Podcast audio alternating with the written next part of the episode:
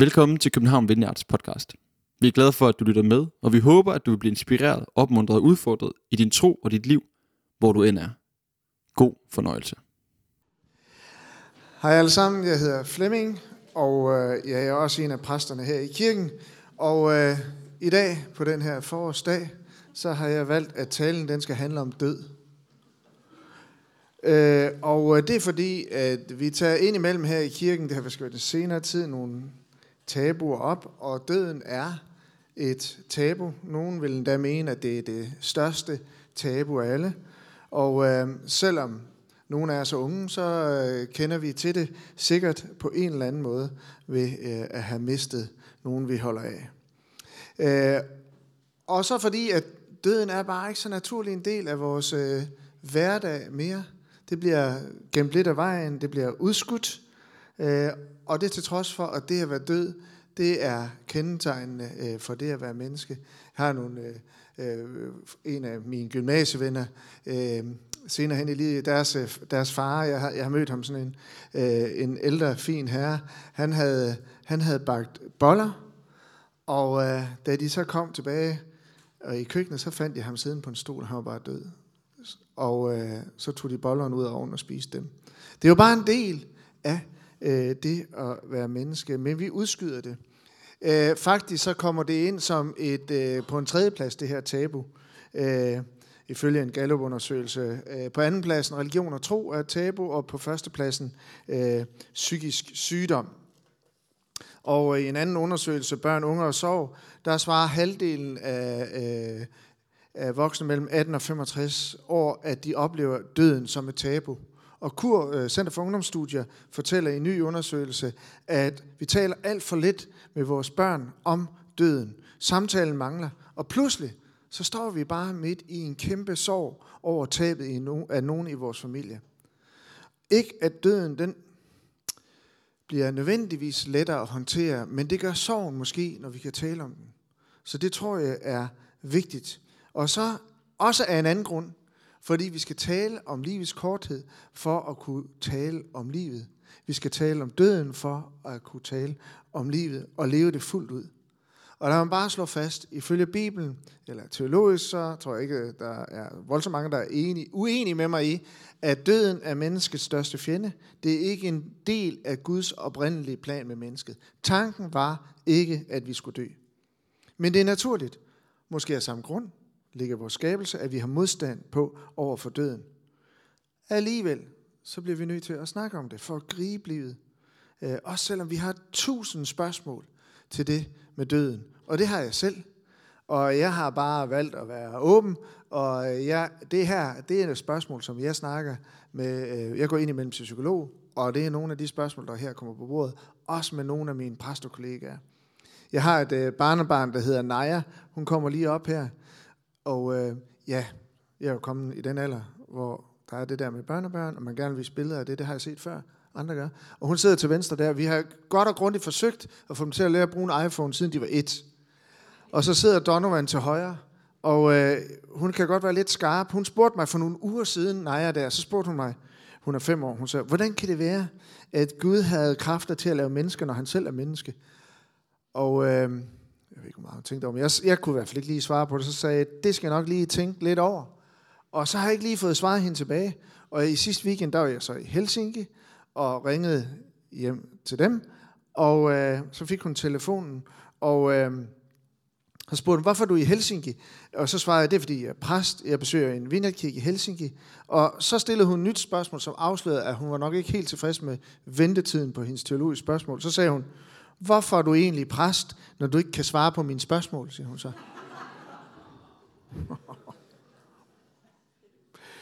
ja, så fik jeg jo den ting over. Men der er bare rigtig, rigtig mange spørgsmål om det her emne, som jeg slet ikke har svar på. Øh, og måske er det også fordi, at øh, man går lidt og fortrænger. Man lader være med at spørge så meget.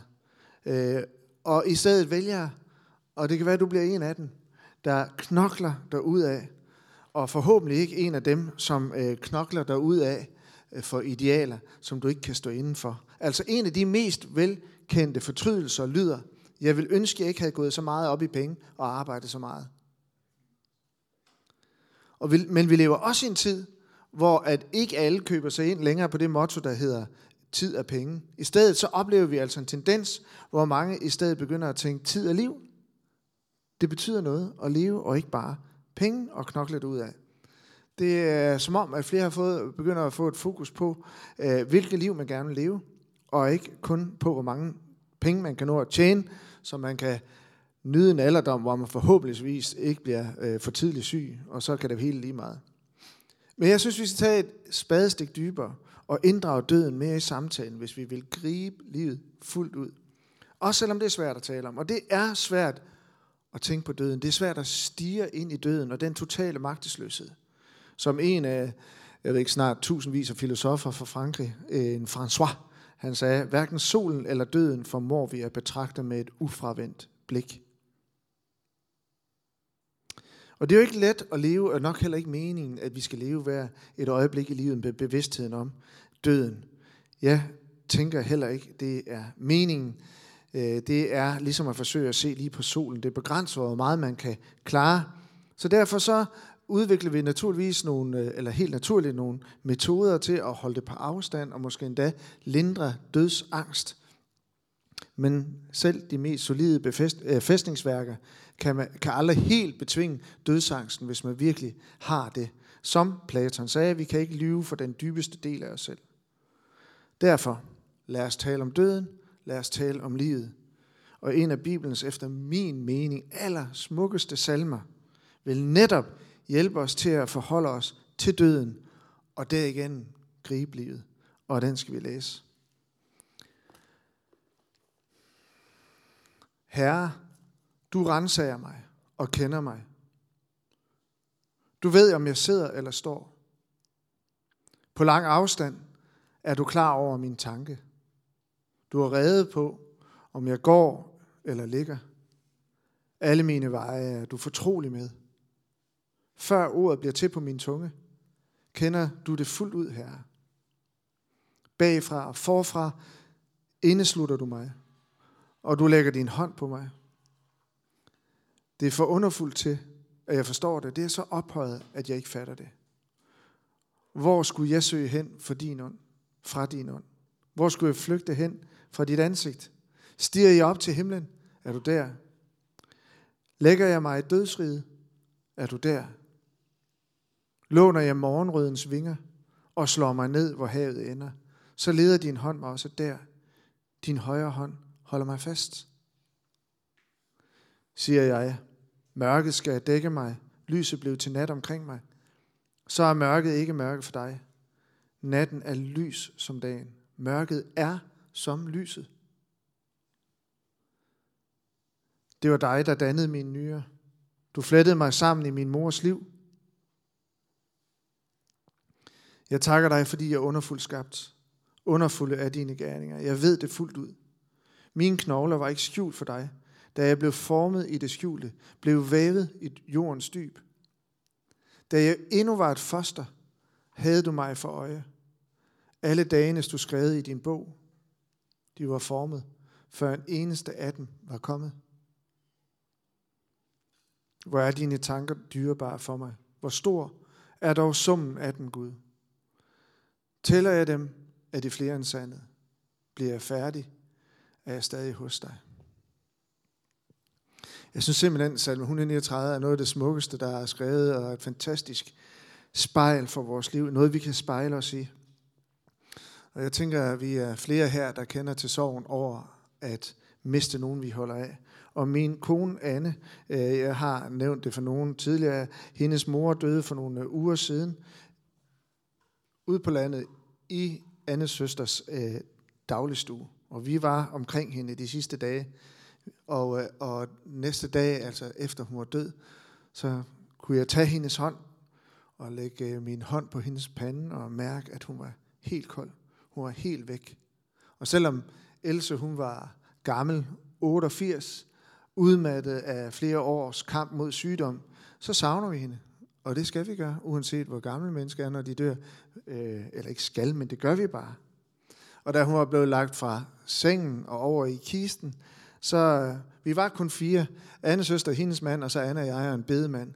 Så, så blev de enige om, at jeg skulle læse et ord. Og så, øh, så læste jeg netop øh, herfra. Ikke fra salme 23, som man normalt læser. Herren er min hyrde, jeg lider ingen ned. Men det gav bare så meget mening at læse fra salme 139. Fordi salmen her, den berammer livets indledning, dets afslutning, og det indimellem, altså selve livet. Det var dig, der dannede min nyre. Du flettede mig sammen i min mors liv. Jeg takker dig, fordi jeg er underfuldt skabt. Så det er det, vi skal sige til os selv, når vi ser os selv i spejlet om morgenen der. Takker dig, fordi jeg er underfuldt skabt, Gud. Min knogler var ikke skjult for dig, da jeg blev formet i det skjulte, blev vævet i jordens dyb. Da jeg endnu var foster, havde du mig for øje. Alle dagene du skrev i din bog, de var formet, før en eneste af dem var kommet.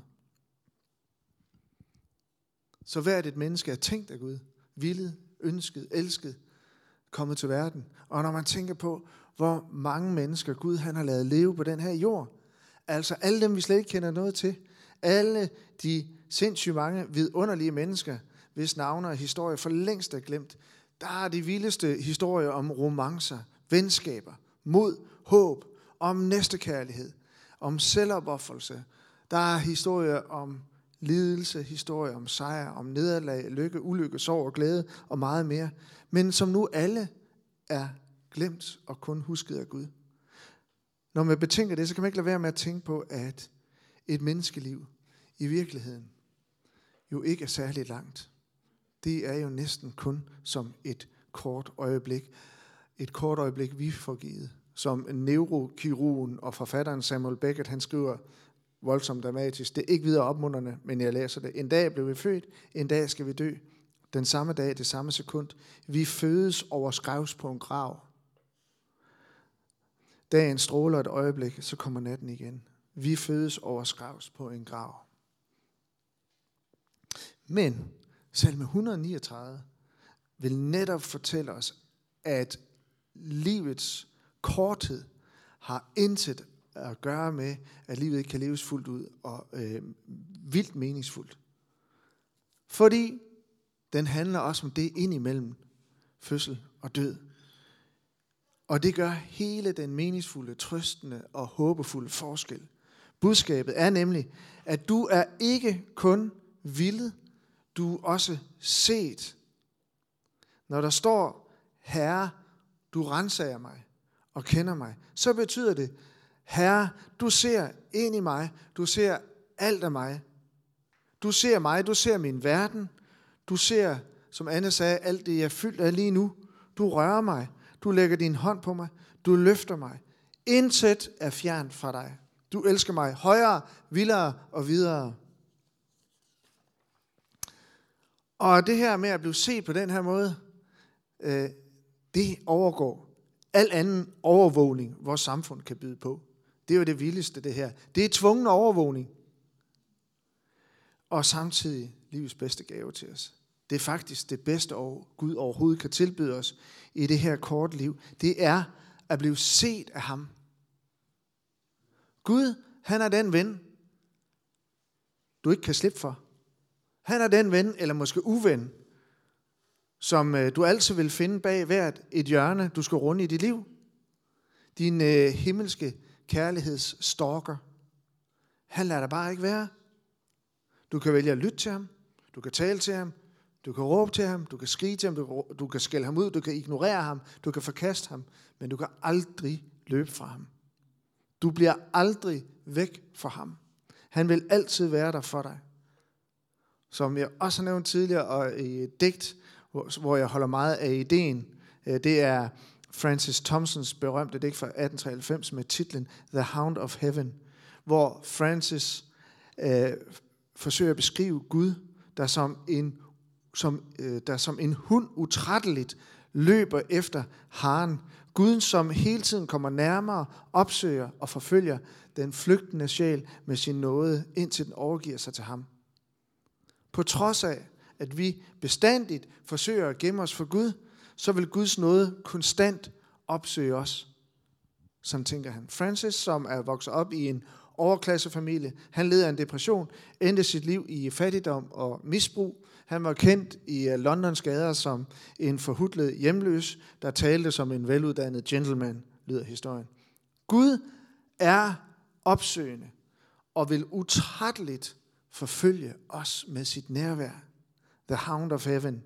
Gud har som en Hound of Heaven sat sig for at opspore hver eneste af os med sit nærvær, med sin trøst, opmundring og styrke.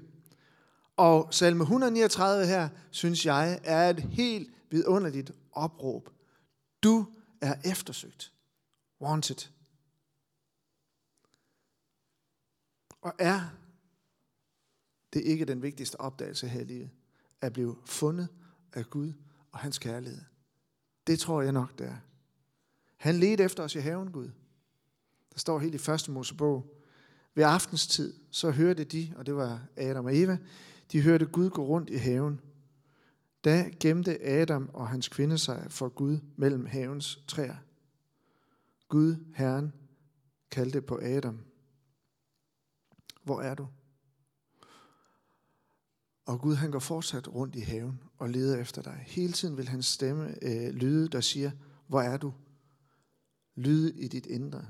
Det er hans stemme i vores indre, der er livets største opdagelse, mener jeg. Den lyder også til os fra hyrden, fra Jesus, der kalder på sine får, og som indimellem forlader øh, flokken af får for at øh, hente, finde, opsøge det fortabte får, som sidder fast et sted i livet.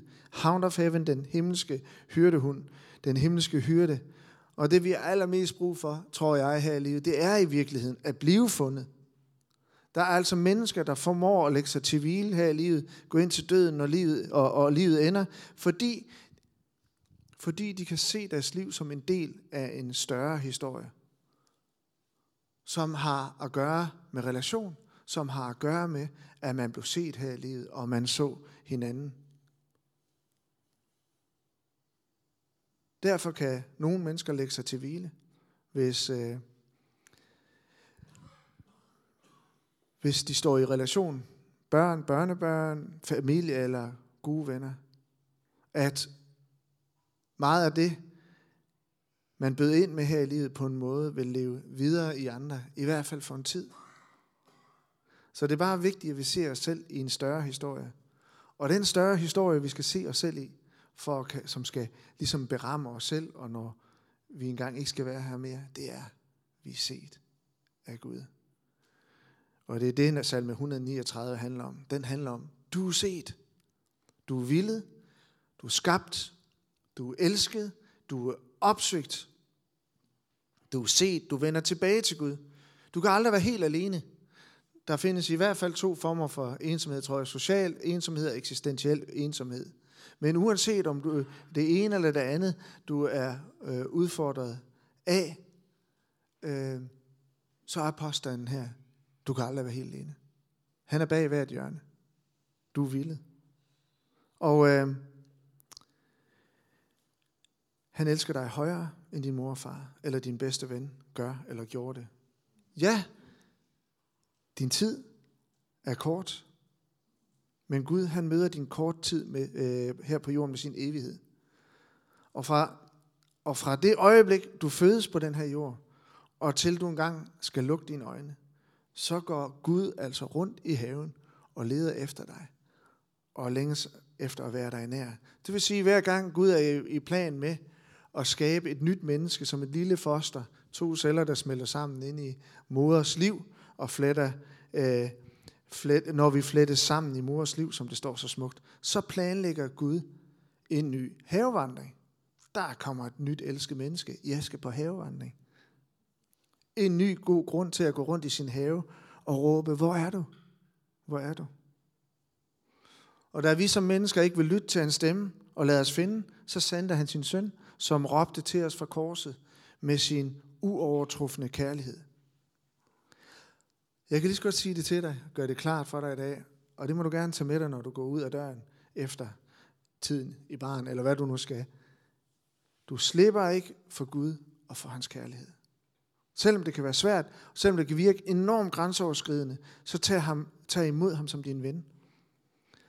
Stop flugten. Inviter ham ind i dit hjerte og sidde til bords med ham. Lad ham åbne dine øjne helt, så du ser både ham og dit liv i rette lys. Og lad ham så kaste kærlighedens lys ind over dit livs mørke. Siger jeg, mørket skal dække mig, lyset bliver til nat omkring mig. Og det er der desværre nogle mennesker, der er helt, øh, det har det allersværest, som nogle gange siger, at mørket skal nu dække mig. Så er mørket ikke mørke for dig. Natten er lys som dagen. Mørket er som lyset. Det er kun de allerfærreste, som ønsker at gemme sig i mørket. For mørket det er ikke noget, man normalt gemmer sig i. Mørket er det, der truer os. Men over for mørket, der står Gud selv. Og for ham bliver vores mørke ikke bare mødt af hans lys. Nej, det er ligesom om i salmen her, han omdefinerer vores mørke til hans lys. Vores mørke er for ham lys som dagen. Han ser ikke bare noget i mørket, som for eksempel dig, som han konstant har let efter dig. Nej, mørket er hans lys, siger salmen, og sætter det på spidsen. Så den have, Gud vandrer i og leder efter dig i, ligger aldrig i mørke, selvom den for dig er mørk. Det er kun os, der oplever det mørke. For Gud er der bare ikke nogen samme eksistens mellem lys og mørke. Der hvor han er, der må lyset vige. Johannes øh, evangeliet, prologen kapitel 1, øh, der står det i vers 5, i ham, altså i Jesus, var livet, og livet var menneskes lys, og lyset skinner i mørket, og mørket greb det ikke. Så Guds lys er ikke bare sådan en lille hjælpeløs lommelygte, der er ved at sådan gå halvt ud i et stort kosmisk, koldt øh, mørke. Og nu skal, øh, nu skal mørket omringe et menneske. Nej, mørket må altid vige for Guds lys. Også selvom mørket får lov, bare for en stund.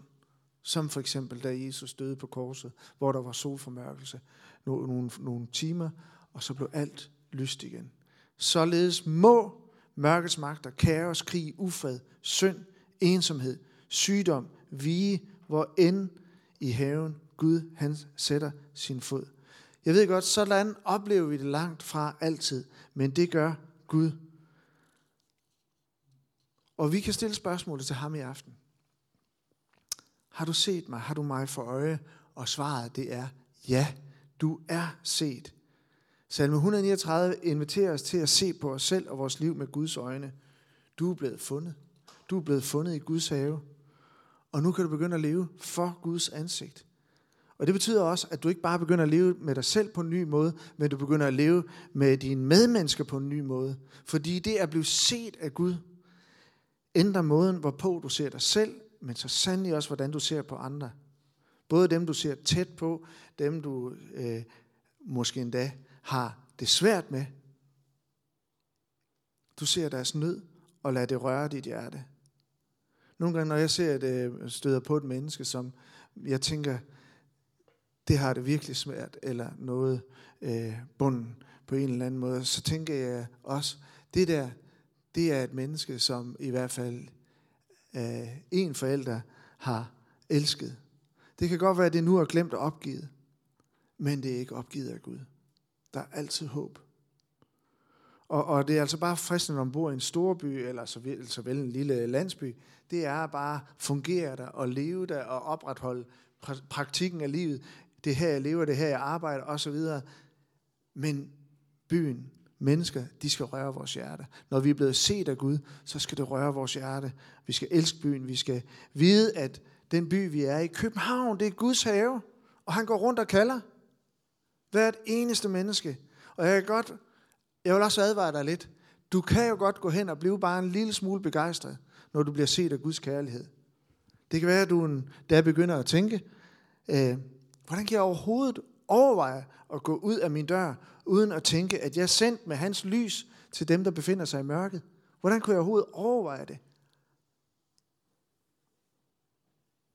Jeg vil ikke udelukke, at du kan finde på ned i supermarkedet pludselig at stå og råbe, jeg er blevet fundet.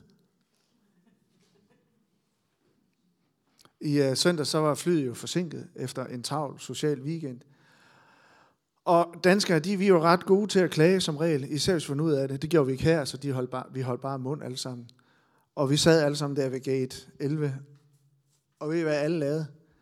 De øh, kiggede jo bare på deres iPhone, fordi det har de lært, siden de var et år.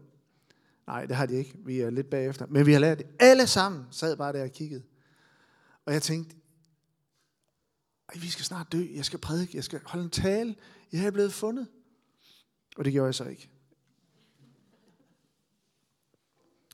Salme 139 handler om, at Gud er dig fuldstændig nær, om du er på flugt eller ej. Selvom jeg skulle vælge at låne morgenrødens vinger og slå mig ned, hvor havet ender, så er han også der. The hound of heaven, himmel, hyrde hunden. Den ven, jeg ikke kan blive fri for, min himmelske kærlighedsstalker. Så leder din hånd mig også der. Din højre hånd holder mig fast. Det skal vi tro på. Også i mødet med angstens mørke. Også i mødet med sorg. Vi skal tro på det i mødet med stress. Med alle vores bekymringer. Når vi bliver svigtet.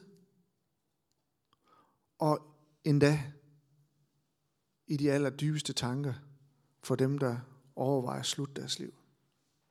Gud er os mere nær end en mor ved det nyfødte barn. Det er ikke Gud, der gør os hjemløse på den her jord, selvom vi nogle gange kan føle det. Vi hører til i haven. Nej, Gud han har faktisk gjort døden hjemløs. Det gjorde han igennem Kristi opstandelse.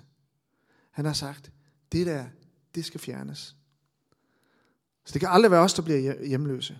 Vi kan godt bruge hele livet på at lege gemmeleg i Guds have og insistere på, at vi er hjemløse i hans have, men dybt set, så kan vi ikke være hjemløse i Guds have. Selvom det virker nogle gange som om, at når vi bliver ramt af sorg, mørke og angst, så får vi en følelse, hvor hører jeg hjemme? Jeg er hjemløs. Tabet af dem, vi elsker og savner. Men det er døden, der er blevet gjort hjemløs. Jesus siger, i min faders hus er der mange boliger. Hvis ikke, vil jeg så have sagt, at jeg er gået bort for at gøre en plads redde for jer. Så hvem er lige hjemløs? Hvem var det lige, der ikke var en plads til? Er der måske nogen lejlighed der i Jesu boliger, hvor der står døden på døren? Har du endnu ikke lavet dig, fundet, uh, lavet dig finde af Gud i haven? Så jeg kan godt forestille mig, at alt det, jeg her har været inde på, sikkert uh, strider imod, hvad du hidtil har troet på at leve, leve efter. Men han kalder på dig. Og kan du høre hans stemme? Jeg vil, uh, jeg vil opmuntre dig til at sige ja til ham og opleve, hvor befriende det kan være at finde ud af, at livet, kærligheden og døden, det kan vi ikke kontrollere. Og når vi slipper kontrollen, hvis vi våger det, og alle vores forsøg på at magte livet, øh, så er det, at vi har mulighed for at kaste os rigtig ud i livet, for Guds ansigt, at blive set af ham, og at leve som hans øjesten. Det er din gave. Lad os bede sammen. Rejs os op.